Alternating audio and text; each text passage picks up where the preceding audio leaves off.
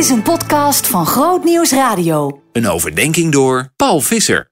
We hoorden vorige keer van de steniging van Stefanus. En je zou denken, nu ze hun woede hebben bekoeld op deze man, is de kou voorlopig weer uit de lucht.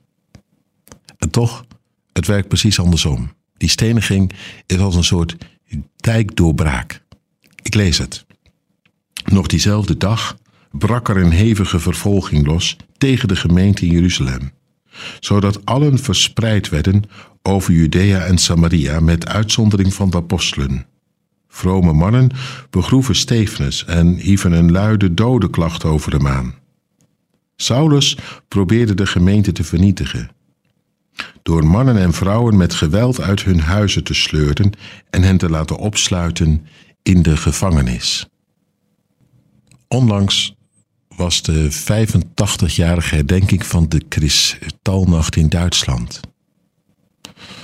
Het was die verschrikkelijke nacht die ergens begon. Synagoge die in brand werd gestoken. Eh, en vervolgens was het niet meer te houden. De winkels van Joden werden uh, opengebroken. En mensen werden uit hun huizen gesleurd. Een explosie van geweld. Zo kan het soms gaan. Althans, dat lezen we hier. Het broeit al heel lang iets en dan ineens is er een aanleiding.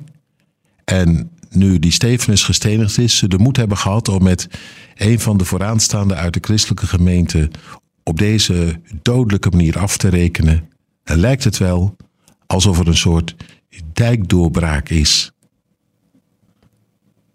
Het een golf van geweld spoelt over de gemeente heen. Er staat zelfs bij dat het diezelfde dag nog begon. Niemand had het die ochtend verwacht dat het zo die dag zou eindigen. Ineens aan alle kanten. Verzet.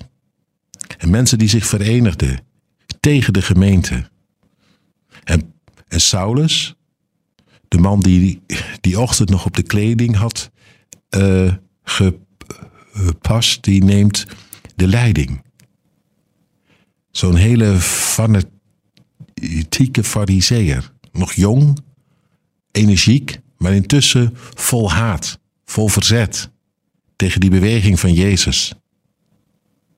Hij ontpopt zich als een leider, sleurt mensen weg uit hun huizen, het wordt een soort program, maar dan tegen de gemeente van Jezus.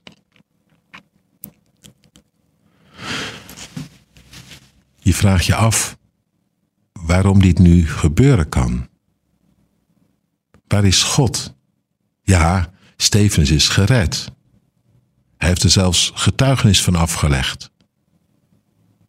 Hoe Jezus was opgestaan om het voor hem op te nemen. Maar waar blijft hij nu dan?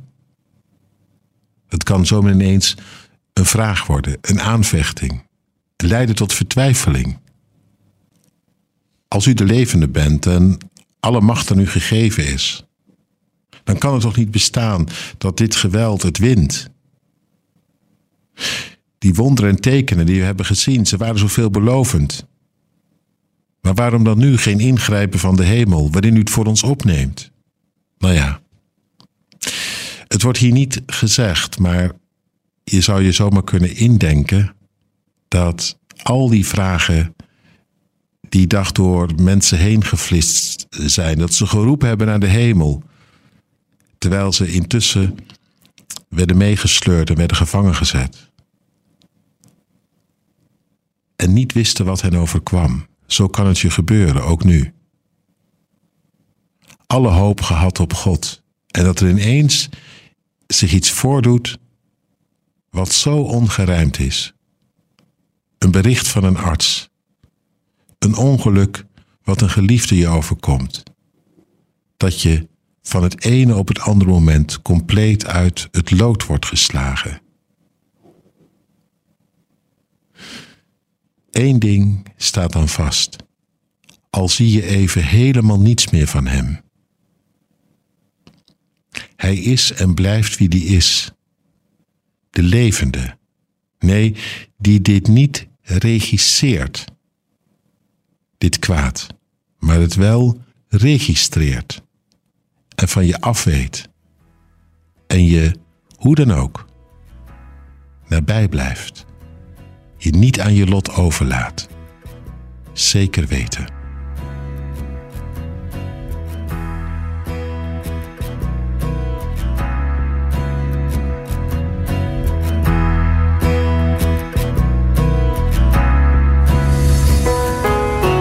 Meer verdieping? grootnieuwsradio.nl slash podcast